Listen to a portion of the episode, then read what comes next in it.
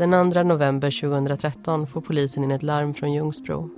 De första uppgifterna är knapphändiga och man vet egentligen inte vad man har att vänta. Det pratas om järnrör, tejp över munnen och en misshandel i en villa. Den första patrullen åker från Linköping strax innan två på morgonen. När de kommer fram kör de förbi villan till en uppståndelse längre fram. Två personer ligger på marken och flera står runt omkring. En man springer fram och säger åt polisen att köra vidare. Gärningspersonen är på flykt och de måste ta honom. 20 minuter senare är han gripen och invånarna i Ljungsbro chockade.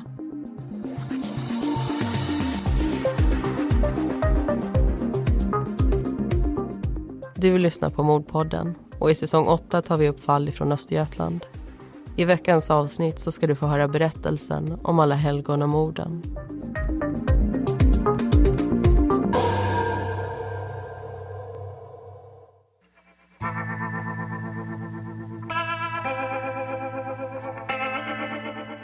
I början av november 2013 inträder alla helgonahelgen. Det är bara några dagar efter halloween och vissa har ordnat med fest och utklädnad. Men alla helgons dag, som inträder på lördagen, handlar om någonting helt annat. Det är en kristen högtid som är ägnad för att minnas dem som vi förlorat. Det märks särskilt när man går förbi en kyrkogård. Överallt står tända ljus, nya blomsterarrangemang och anhöriga till dem som ligger begravda där. Men i Ljungsbro just den här helgen så är det inte bara där som ljusen kommer tändas. Intill en cykelbana vid ett villakvarter kommer snart en minnesplats att växa fram. Med nallar, brev och teckningar, marschaller och gravljus. De sörjande kommer stå och hålla om varandra samtidigt som de försöker förstå det ofattbara som har hänt där. Något som fick sin början flera dagar tidigare. Den 31 oktober mellan halv fyra och fyra på eftermiddagen dyker en 33-årig man upp vid ett behandlingshem i Linköping.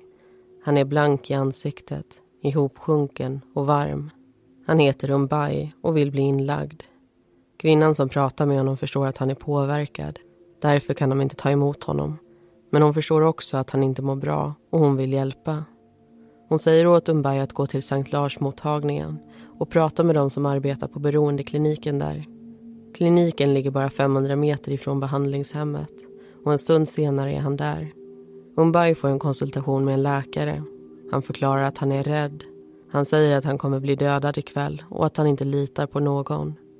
Han är svettig och nervös under mötet och både människor och bilar utlöser hans oro. Läkaren har svårt att avgöra om Mumbai tagit droger eller inte. Men han är i alla fall inte helt klar i huvudet. Efter konsultationen hänvisas den 33-åriga mannen vidare till den psykiatriska mottagningen vid universitetssjukhuset. Personalen på kliniken erbjuder sig att ringa dit och säga att Umbai är på väg eller att ordna skjuts med polis. Men han tackar nej till båda förslagen. När det ringer på dörren till den psykiatriska mottagningen går en kvinna fram för att öppna.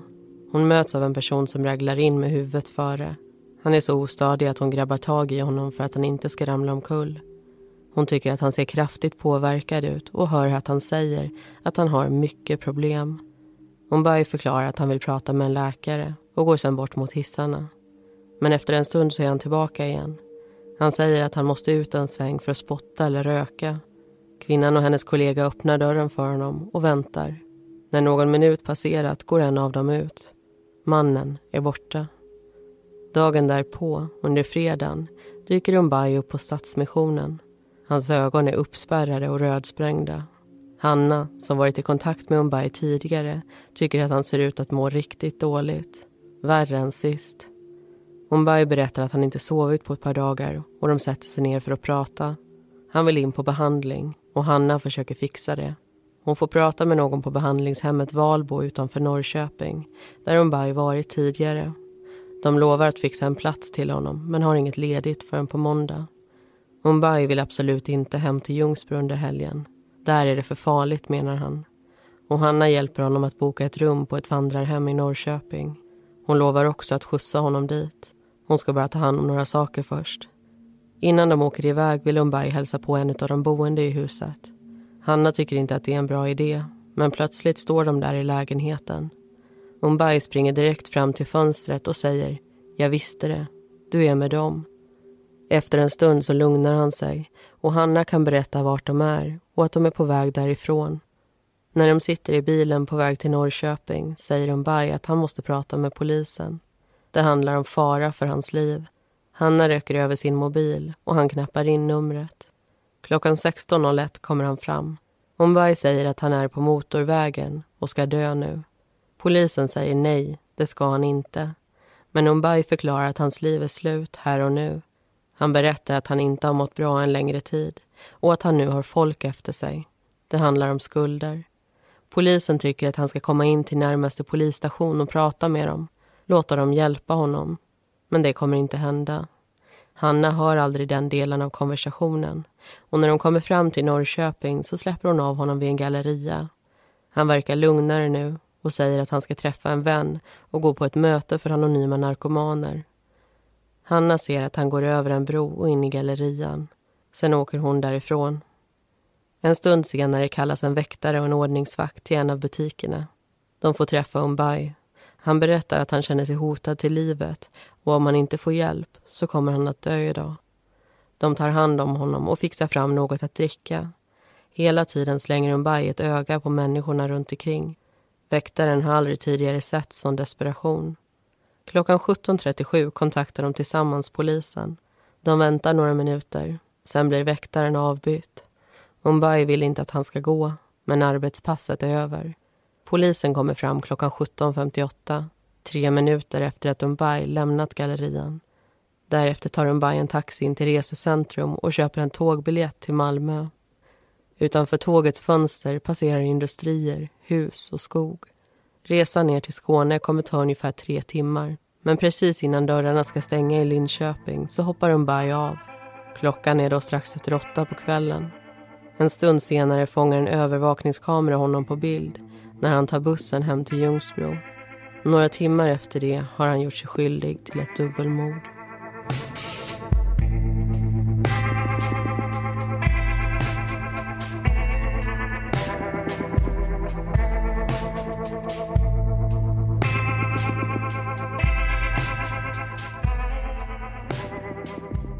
Och det var alltså första delen av Alla helgonamorden. Och precis som vanligt så ska vi bryta av en liten stund och diskutera och reflektera över det här fallet.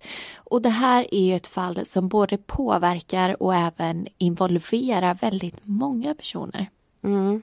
Och det är också flera brott som begås den här natten den eh, 2 november och drabbar, precis som du säger, olika familjer och olika personer. Och vi pratar specifikt om misshandel, vi pratar om kidnappning, hemfridsbrott, mord, försök till mord med mera. Eh, och vi kommer gå in på exakt vad det är som händer i berättelse 2, så vi ska inte säga för mycket ännu. Men det vi ska säga det är att det är ett väldigt stort fall. Det har varit mycket att gå igenom inför förberedelserna till att göra det här avsnittet. Och det betyder också att eh, vi inte har tagit upp allt. Det kommer finnas finnas detaljer som inte kommer komma med. Nu tycker jag dock att vi ska prata om just Umbay som är gärningspersonen i det här avsnittet och det här fallet. Han har ju problem med droger och alkohol och det har han faktiskt haft sedan tonåren. En annan sak som han har det är ett blandberoende, det vill säga att han blandar olika typer av droger och tar dem i kombination, vilket inte är ett vinnande koncept. Och en av de drogerna som han tar det är hash och det har han tagit väldigt länge. Och när man pratar med dem som känner Umbay så säger de att hash det är någonting som han oftast blir lugn av att ta. Han har också testat kokain och han missbrukar också alkohol alkohol. Men till skillnad från hash så är alkohol inte någonting som gör honom lugn utan det är snarare motsatsen att han kan bli väldigt aggressiv på det. Och han finns ju faktiskt med i 23 avsnitt i belastningsregistret. Och när det kommer till narkomaner eller alkoholister så är det väldigt vanligt med trafikbrott och och stöld. Det gäller ju såklart inte alla men det är ganska vanligt. Och Umbai, han är ju dömd för till exempel misshandel, grov fridskränkning, olaga hot och narkotikabrott. Så det är alltså mycket saker som han har ägnat sig åt. Och när det här mordet sker så föll hans senaste dom för två år sedan. Och han har ju även familj, en före detta sambo och tre barn. Och vid tiden för det här mordet så har de alla skyddad adress. Och familjen de har ju blivit väldigt utsatta för just Umbais våldsamma tendenser.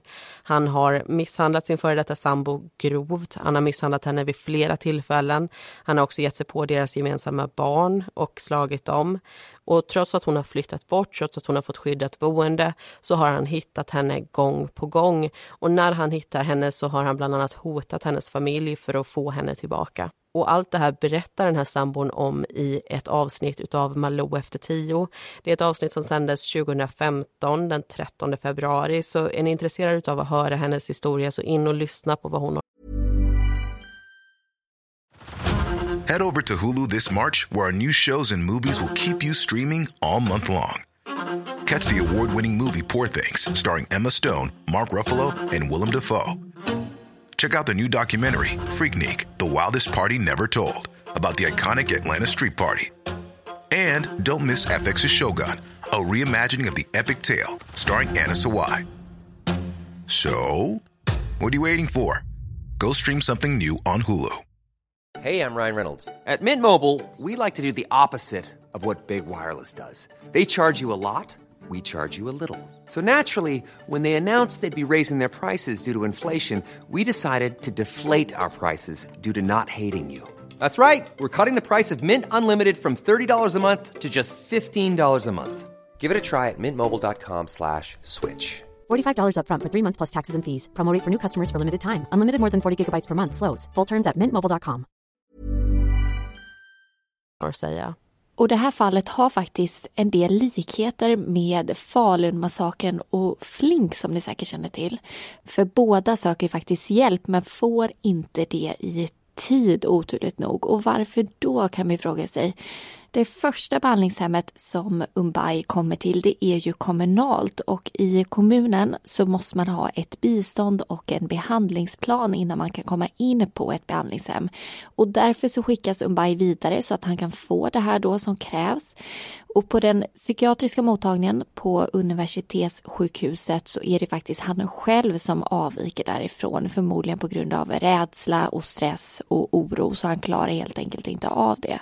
Och sen har vi det här samtalet eh, som Mumbai ringer till polisen också när han och Hanna sitter i bilen på väg till Norrköping. Och han säger ju specifikt då att han vill dö, att han ska dö. Men det är ändå ingen som åker ut och hjälper honom komma ur den här situationen. Och varken du eller jag, Amanda, vi är ju experter på hur polisen agerar och hur de jobbar.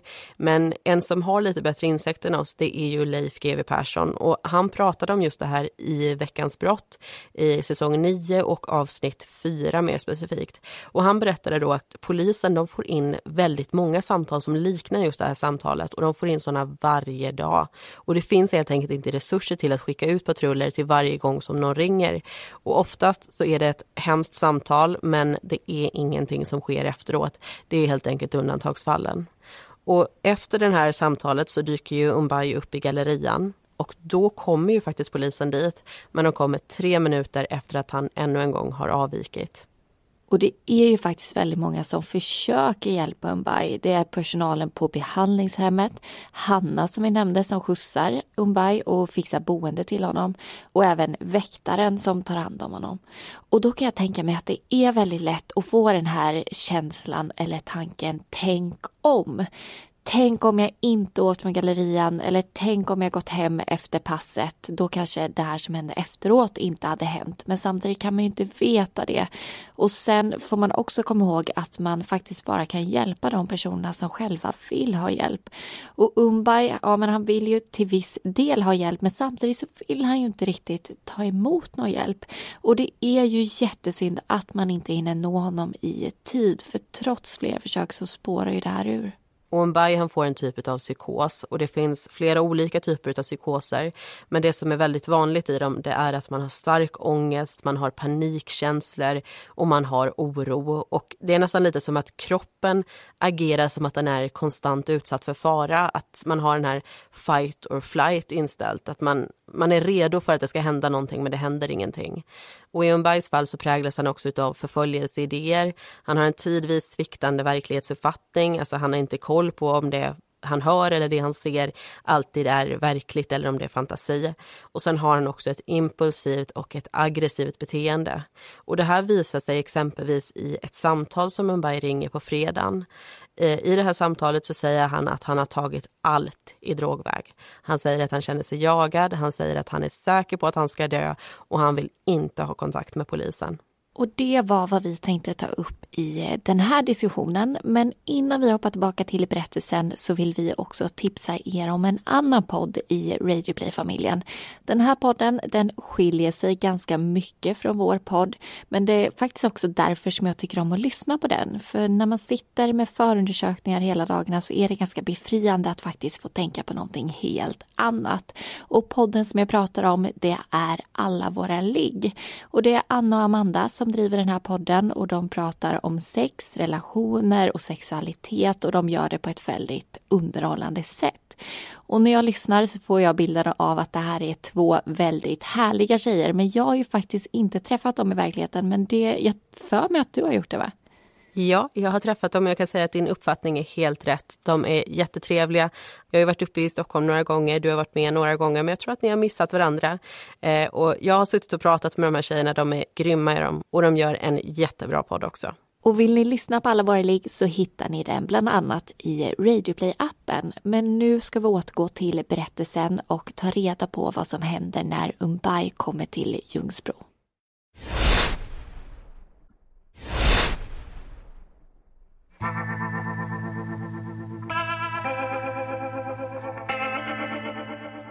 Ungefär en och en halv mil norr om Linköping ligger Ljungsbro. En mindre ort med ett invånarantal under 10 000. Kommer man hit söderifrån så kan man passera Vreta kloster. Kyrkan som byggdes på 1100-talet är väl bevarad. Och i närheten så finns delvis rekonstruerade ruiner från ett av Sveriges äldsta nunnekloster. Genom Ljungsbro rinner två vattendrag, Göta kanal och Motala ström. Och det finns flera broar. En av dem heter Cloetta Bridge och det är just här i Ljungsbro som Cloetta-fabriken ligger. Där tillverkas Polly, kexchoklad, Ahlgrens bilar, Plopp och Center. Fabriken har funnits där sedan 1901 och är en av de största arbetsgivarna i staden. Fredagen den 1 november är sista dagen på höstlovet. I Ljungsbro njuter några skolkamrater av ledigheten de handlar läsk och på kvällen slår de sig ner på en bänk utanför en förskola. Konversation blandas med musik. Tre av dem som är där är Anton, Kevin och Isak. De är 14 till 15 år. När flera av kamraterna försvinner bort till en busshållplats stannar de tre killarna kvar. Kevin sitter och röker. Plötsligt dyker Umbai upp. Vart han kommer ifrån vet de inte. Ena sekunden är han bara där. Kevin vet vem Mumbai är och hälsar på honom. Han har alltid varit schysst och vid ett par tillfällen har han köpt ut öl åt dem. Men Kevin tycker att Mumbai verkar annorlunda den här kvällen. Som att han är påverkad. Mumbai säger till Kevin att han är efterlyst och att de inte får berätta för polisen att de sett honom. Den 33-åriga mannen säger också att det är sista gången som de ses. Han frågar om Kevin vet vad han är efterlyst för. Kevin svarar nej och Mumbai säger mord. Kevin vet inte riktigt vad han ska svara på det. När Isak säger att han tänker gå hemåt följer Kevin, Anton och Mbai med. När de står utanför bostaden och Isak tar fram sin telefon för att skicka iväg ett sms grabbar Mbai tag i den. Han säger att Isak ska få tillbaka den sen. Den unga killen vill ha mobilen nu men vet inte hur han ska gå tillväga. De två killarna och Mbai lämnar Isak och börjar gå igen. Kevin är säker på att de snart ska få igen mobilen och då kan lämna tillbaka den till Isak. Umberg säger att han vill hänga med Kevin och Anton eftersom det är sista kvällen som de ses. Kevin tycker att det är lite lustigt. De känner knappt varandra och Umberg och Anton har bara träffats vid ett par tillfällen. När de kommer fram till en livsmedelsbutik går de två killarna iväg själva. Umberg blir arg när han upptäcker det och lägger en arm om vardera killes axel och styr dem bort därifrån. Greppet om killarna går från att vara vänskapligt till att bli hårdare och hårdare. Efter ett tag tar Mbai även deras telefoner och stänger av dem. Han säger också att han är törstig. Han vill att de ska gå hem till Kevin så att han kan få lite vatten. Men Kevin vill inte säga vart han bor. Anton har varit tyst i stort sett hela tiden. Han är anledningen till att Kevin inte bara tar och springer därifrån. Han vill inte lämna sin vän i sticket. Nästa gång de stannar säger Umbay till Kevin att plocka upp en sten. Han är hotfull och skrämmande. Kevin får onda aningar och vägrar. Umbay gör det då själv. Han lyfter upp en stor trottoarsten och säger till Kevin och Anton att han känner att han måste döda någon av dem. Umbay är både stor och muskulös. Han är också påverkad av narkotika och killarna har inte mycket att säga till om. Umbay tar med dem in i en trädgård och stannar vid en arbetsbänk som står utanför ett garage. Han plockar upp en rulle silvertejp och virar den runt killarnas armar och ansikten. Kevin är rädd och kan inte längre röra sig ordentligt. Tejpen över ansiktet gör det svårt att både andas och se. Han hör hur glas krossas och slits därefter in i villans källare tillsammans med Anton. På ovanvåningen vaknar mamman i familjen till. Klockan är runt 20 i två och både hon, hennes sambo och deras dotter har sovit fram till nu. Den enda som inte är hemma ännu är familjens 18-åriga son. När mamman hör ljuden i källaren så tänker hon att det kanske är han som kommit hem och väsnas. Hon kliver upp ur sängen och går fram till trappan som leder ner till källaren. Hon ropar, men får inget svar. Även dottern i familjen är nu uppe och står bredvid sin mamma. Plötsligt kommer en mörklädd man upp ur trappen. Han slår med ett rör mot mamman och träffar hennes arm. Han slår också dottern på ena axeln. Dottern knuffar till honom och han springer ner i källaren igen. I samma veva flyger pappan i familjen efter. Han ser de tre personerna där nere och undrar om det är ett halloween-skämt som gått för långt. Umbay lyckas springa därifrån och dra en av pojkarna med sig. Den andra får pappan tag i. Mamman sitter i telefon och pratar med polisen när pappan kommer upp med 14-åriga Kevin i släptåg. De klipper av honom tejpen och han får berätta att han precis blivit kidnappad tillsammans med sin vän Anton. Samtidigt som larmoperatören pratar med familjen i villan i telefon så larmas ärendet ut via länskommunikationscentralen. Två poliser som befinner sig i norra Linköping har meddelandet via radion och börjar köra mot Ljungsbro. Det är första gången som de sitter i patrull tillsammans. Josefin har bara arbetat som polis i några år medan kollegan Hans har mer erfarenhet. Eftersom Hans är hundförare finns också en tredje kollega med i bagageutrymmet, hunden Nils. De har hittills bara fått knapphändiga uppgifter kring det som hänt. De vet att en person brutit sig in i en villa och sen begett sig därifrån med ett järnrör och en annan person. Det pratas också om förtejpade munnar. Två hus ifrån villan där Kevin befinner sig sitter Anders och tittar på tv. För några timmar sen hämtade han upp flickvännen Lisbeth vid busstationen. De har varit tillsammans i tre år men bor i olika städer och brukar ses var och varannan helg. Den här kvällen har Anders valt bort en hockeymatch för att inhandla vitt vin och räkor samt städa i ordning inför Lisbets besök. Något hon la märke till direkt då hon steg innanför dörren. Det är sent, men de är fortfarande vakna båda två. Medan Anders tittar på tv står Lisbet ute på altanen och röker. När hon kommer in säger hon att hon hört skrik. Anders tänker att det nog är några ungdomar som bråkar eller en granne som har fest. Lisbeth öppnar ytterdörren och ställer sig för att lyssna. När Anders kommer dit så hör han också skrik. Skrik på hjälp. Lisbeth flyger ut genom dörren med en gång samtidigt som Anders plockar på sig en morakniv och följer efter. När de kommer ut ser de en man som står och slår med ett järnrör. Det ser ut som att han slår i backen men snart förstår Anders att det är någon som ligger där. Lisbeth skriker åt mannen att sluta men det är först när Anders vrålar som han lyfter blicken. Det är bara några meter som skiljer dem åt och mannen går nu till anfall. Anders får ett slag i huvudet och faller till marken. Han gör ett utfall med kniven och tror att han träffar. En bit därifrån kommer en man springande. Han heter Christer och han ser till en början bara personer som rör sig. En ser ut att jaga den andra. Kanske är det ett halloween-skämt. När Christer nästan är framme känner han igen Anders. Allt går så fort att han inte riktigt hinner förstå vad det är som händer. Men när Anders säger att han vill ha hjälp, att de måste ta honom, så agerar Christer bara.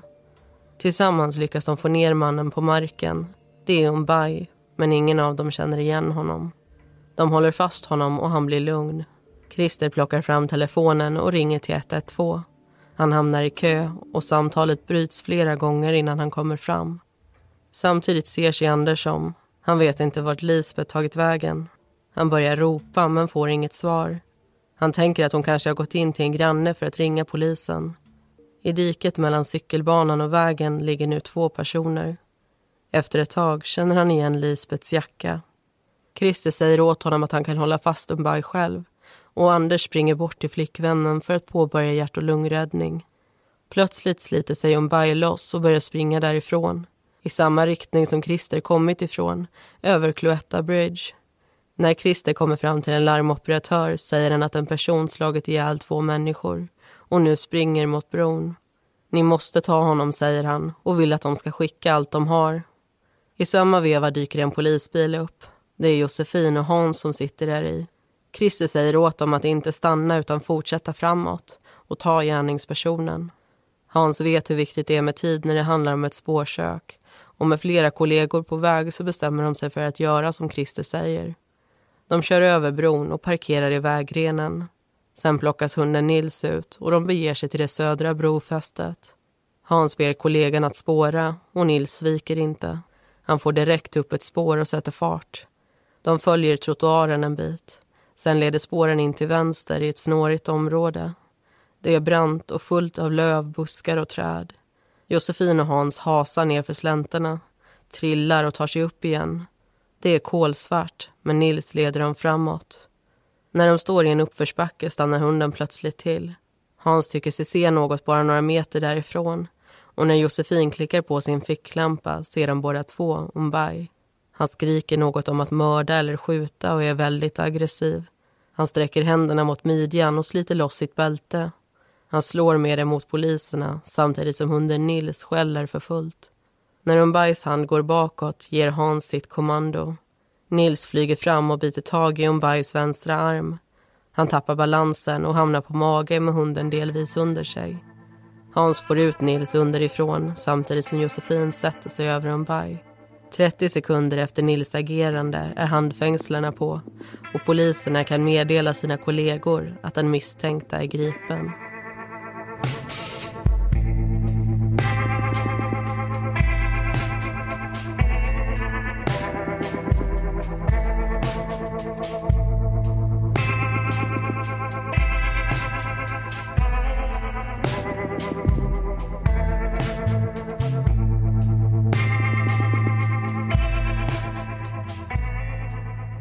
Och det var den andra berättelsen av Alla helgona-mordet och vi ska fortsätta våra diskussioner tänkte vi. Vi har ju berättat det här från flera olika synvinklar och det är helt enkelt för att visa hur många personer det här faktiskt verkligen påverkar. Och vi hoppas att det inte blir för hoppigt utan att ni eh, trots det ändå kan skapa er en helhetsbild över det här händelseförloppet. Och efter det här gripandet, alltså efter berättelsen tar slut, då körs Umbay därifrån i en polisbuss. Och man kommer dit med just en buss för att man har hört talas om att han är så himla aggressiv. Så då vill man helt enkelt ha bättre koll på honom och vara fler poliser. Men när de tar dit han, när de lägger ner han på golvet i den här bussen och ska transportera han därifrån, då är han kolugn. Han säger ingenting, han har lite ögonkontakt med en polis men han säger ingenting. Och den här polisen kommer senare beskriva den här ögonkontakten som otäck och lite smått psykotisk. Och strax efter fem på morgonen, några timmar senare alltså, så kommer en rättsläkare till platsen. Och de här avlidna på platsen, de identifieras. Vi får veta att det är 57-åriga Lisbeth och 15-åriga Anton. Och brottsplatsundersökningarna, vad de hittade, ska vi också gå in på. Men vi ska inte göra det nu, utan vi väntar med det och tar upp det i nästa berättelse. Och i kioskmordet som vi berättade om i den här säsongen också så pratade vi i en diskussion om hur några personer mådde efter att de blivit utsatta för rån. Och den här domen ger liknande insikt i hur människor mår efter ett mord. Det handlar ju självklart om utbredd sorg. Det är ju partners, föräldrar, barn och vänner som förlorat en nära. Och att läsa de här förhören, det är ju hjärtskärande. Och när vi berättar om de här fallen så självklart förstår vi att det är mycket som ni upplever är hemskt. Men ofta så får vi faktiskt i domarna och i förundersökningsprotokollen ta del av väldigt mycket fler detaljer som vi känner att vi inte ens kan berätta. Och i de här förhören så berättar bland annat Antons vänner hur det känns. De är 14-15 år. De berättar hur overkligt det är att de nyss träffade honom och helt plötsligt är han borta. Och en vän säger att de har känt varandra hela livet och att, eh, ja, men att det är som att förlora en bror.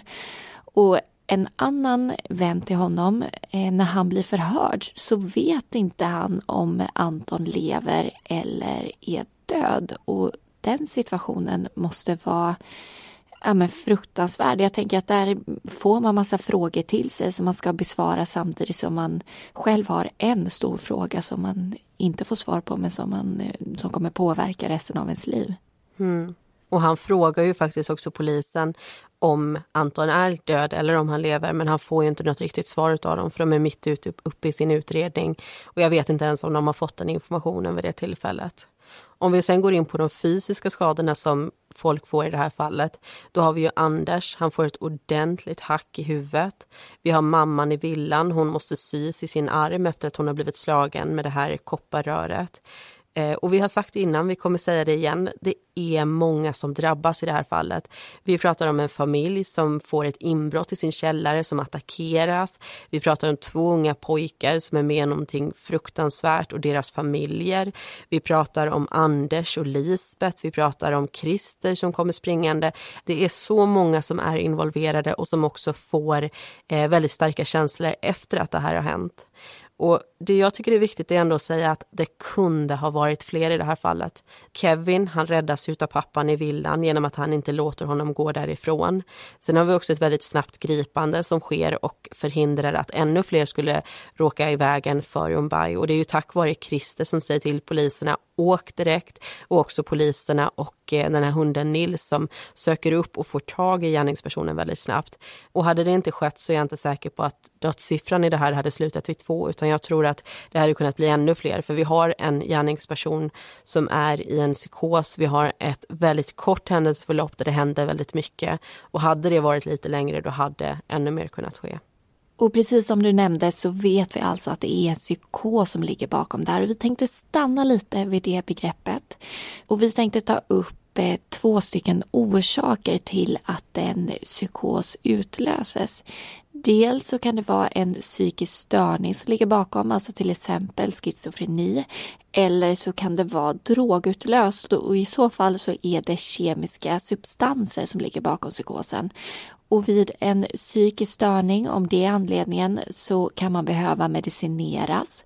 Medan om det är drogutlöst så försvinner psykosen när drogerna försvinner ur kroppen. Och det här varar olika länge och det ger faktiskt också olika påföljder. Det är ju det som är lite intressant i det här. För beroende på vad det är som ligger bakom psykosen så kan ju personen både få fängelse eller rättspsykiatrisk vård. Head over to Hulu this March, where our new shows and movies will keep you streaming all month long. Catch the acclaimed movie All of Us Strangers, starring Paul Mescal and Andrew Scott. Stream the new Hulu original limited series We Were the Lucky Ones with Joey King and Logan Lerman. And don't forget about Grey's Anatomy. Every Grey's episode ever is now streaming on Hulu. So, what are you waiting for? Go stream something new on Hulu. Vård. Och han säger att han har tagit allt i drogväg. Och det här testar man ju också efter att han har gripits. Men eftersom det inte finns behörig personal så gör de, görs de här testerna ganska så sent. Han grips på natten, eller morgonen den 2 november mellan 2 och 3 på morgonen. Och eh, det första testet, urintestet, det görs klockan 7.55 på morgonen. Och eh, när man testar blodet, det gör man inte förrän 13.55.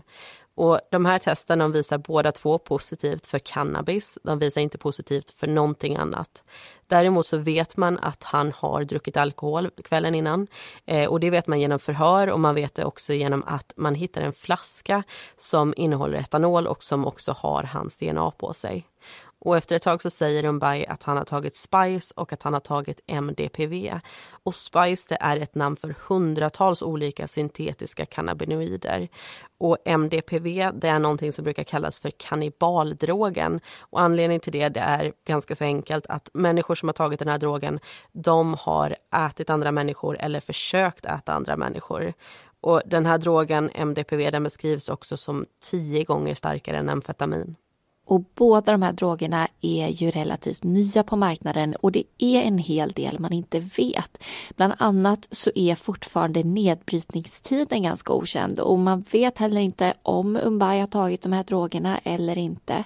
Och forskningen ligger ju alltid efter det som finns på marknaden. Så trots att det finns hundratals typer av spice så hade Rättskemi 2013 bara analysmetoder för 29 av dem.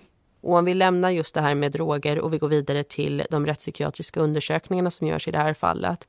Det görs faktiskt eh, två stycken och de kommer fram till olika slutsatser. Och vad det är som kommer fram i dem det ska vi ta upp lite närmare i den sista berättelsen. Men en sak som är ganska central i den här utredningen det handlar om just uppsåt. När någon dör till följd av våld då pratar man om olika brottsrubriceringar. Man pratar om mord, man pratar om dråp, man pratar om vållande till annans död. Och skillnaden i de här det är uppsåt. Det finns tre olika grader av uppsåt. Från att man agerar för att döda en person till att inte ha avsikten men ändå åstadkomma det genom eh, de handlingar som man helt enkelt utför. Och mord och dråp de kräver någon typ av uppsåt för att man ska kunna dömas för dem. Medan vållande till annans död, det kräver inte uppsåt. Och skillnaden i det här det är ju strafflängden och den skillnaden är väldigt stor mellan de här rubriceringarna. Och det var ju faktiskt allt vi tänkte ta upp i den här diskussionen. Men som ni säkert har koll på så är det här alltså det sista avsnittet i den här säsongen. Så innan vi går vidare så tänkte vi berätta lite om hur Mordpoddens framtid ser ut. Och vi vet så mycket som att vi kommer fortsätta 2019. Men hur och när, det är inte riktigt bestämt än. Så vi hoppas att ni vill gå in på vår Facebook-sida och Instagram-sida där vi heter Mordpodden och följ oss där för där kommer vi självklart uppdatera när vi vet mer. Så om ni vill fortsätta följa Mordpodden, följ oss gärna där så ni inte missar något avsnitt. Och prenumerera gärna också podden i podcaster om ni använder den appen. Men nu så tackar vi för den här säsongen och så ska vi lyssna på den sista berättelsen såklart. Och vi ska inte bara tillbaka till fallet utan tillbaka till mordplatsen. Och vi ska få reda på vad man kommer fram till under brottsplatsundersökningen.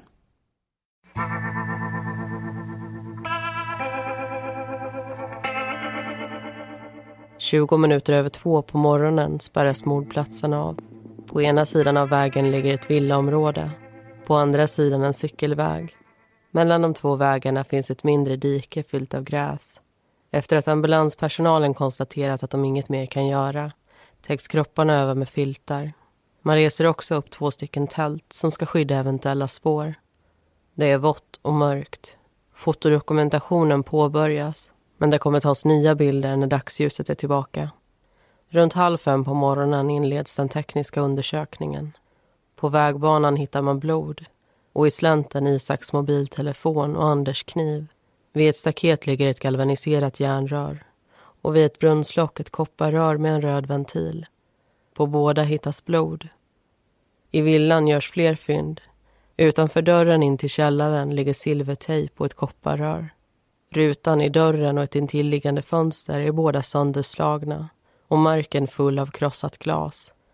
På gräsmattan hittas en stor trottoarsten och i källaren och trappen skoavtryck från både Umbai och Kevin. Tekniker beger sig också bort till förskolan där Umbai och killarna träffats. Ytterdörren ligger skyddat under en farstukvist. Till höger på trädäcket står den bänk där killarna suttit och till vänster ett antal cigarettfimpar. I närheten hittas också en grön ciderflaska som innehållit alkohol och som har Umbais DNA på sig. Samtidigt som förhör hålls under natten och morgontimmarna så går Umbaye igenom en avvisitering. Han får plocka av sig sina kläder och skor som tas i beslag. På dem finner man både glasfragment och blod från flera personer. Umbaye får ett ombyte och man fotograferar hans armar. På dem finns det en hel del småsår och hack. Ett antal vittnen körs in till polisstationen. De som inte är myndiga ännu får ha sina föräldrar med sig och blir förhörda av särskild personal. Umbai körs vidare till den rättspsykiatriska regionkliniken i Vadstena. Under de kommande dagarna kommer han berätta att han inte har några direkta minnen från mordnatten. Han kommer ihåg vissa delar, men långt ifrån allt. Och han kan inte förklara varför han gjort som han gjort. Till en början så vet han inte ens att det handlar om mord. När han får reda på det verkar han djupt ångestfylld. Han beskriver att han känt det som att någon förföljt honom i flera månader. Vid ett möte är han rädd för att någon på kliniken ska döda honom. I nästa så menar han att han är mer rädd för dem som är på utsidan. Ibland är han seg och orolig, ibland vaken och lugn. Mumbai blir heller inte överraskad när han får reda på att han testat positivt på hash. Han vet att han använt drogen en längre tid. Den 5-6 november svarar han undvikande på frågor och vill bara bli lämnad i fred. Han anser att personalen inte förstår hur dåligt han faktiskt mår och kräver bättre vård. Tidvis är Umbai dessutom på gränsen till hotande. I anteckningar skrivs det ner att Umbai är självcentrerad, orolig för att bli friskförklarad och defensiv när man ställer frågor. Den slutliga bedömningen är att det handlar om en självförvållad drogutlöst psykos och att det inte finns någon bakomliggande allvarlig psykisk störning. Däremot visar en Mbai tecken på en antisocial personlighetsstörning som präglas av narcissism och psykopati. Och det är också självförvållad drogutlöst psykos som finns med i den bedömning som kommer in till tingsrätten. Men försvaret menar att psykosen inte alls har varit självförvållad. De tar upp flera exempel på personer som har stött ihop med Umbai och lagt märke till hans beteende. De pratar också om att Umbai använt drogen MDPV som i sin tur är svårhanterlig och som lätt kan slå över i att den som missbrukar den drabbas av starka fysiska och psykiska belastningar. Försvaret beskriver Umbai som en tickande bomb och att hans agerande den 2 november hade kunnat förhindrats om någon hade sett helheten. Enligt dem så har Umbais beteende inte varit uppsåtligt och han ska därför inte dömas för ett brott där uppsåt är ett kriterium. Tingsrätten går på åklagarens linje och de rekommendationer som kommit fram i den rättspsykiatriska utredningen. Mumbai döms för sex punkter till livstidsfängelse. Domen överklagas och i hovrätten får försvaret visst medhåll. En ny rättspsykiatrisk utredning görs där man menar att det finns ett större sammanhang mellan störningen och brotten. I den nya undersökningen menar man att direkt uppsåt inte är en självklarhet och att straffet kanske borde anpassas. Men hovrätten gör ingen ändring där och en bajs livstidsdom står fast. Efter morden håller en fritidsgård i Ljungsbro öppet hela helgen. Det är inte bara barn som kommer dit utan även vuxna. Många är fortfarande i chock. Att något så fruktansvärt hänt på deras ort är svårt att ta till sig. Inte minst för de som drabbats personligen. På måndagen är vardagen igång igen. Skola och jobb stannar inte upp, även om flera människors värld gjort det. En dag kommer livet att kännas som vanligt igen. Men det kommer ta tid. Saknaden går aldrig bort. Men minnen håller mer än bara sorg. De håller glädje, skratt och kärlek också. Det får vi inte glömma.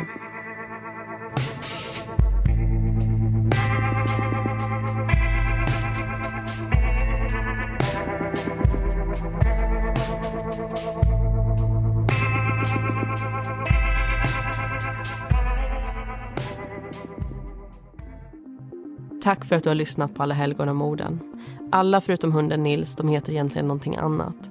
Och informationen den är hämtad ifrån domarna i fallet, förundersökningsprotokollet, artiklar från Expressen och inslag ifrån Blåljus Östergötland och P1 Morgon.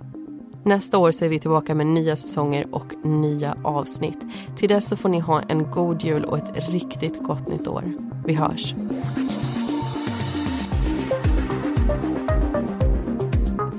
Vi som gör Mordpodden heter Linnea Bolin och Amanda Karlsson. Bakgrundsmusiken består av låtarna Lasting Hope, Lightless Dawn och Soaring av Kevin MacLeod samt Deep Space av Audionautics.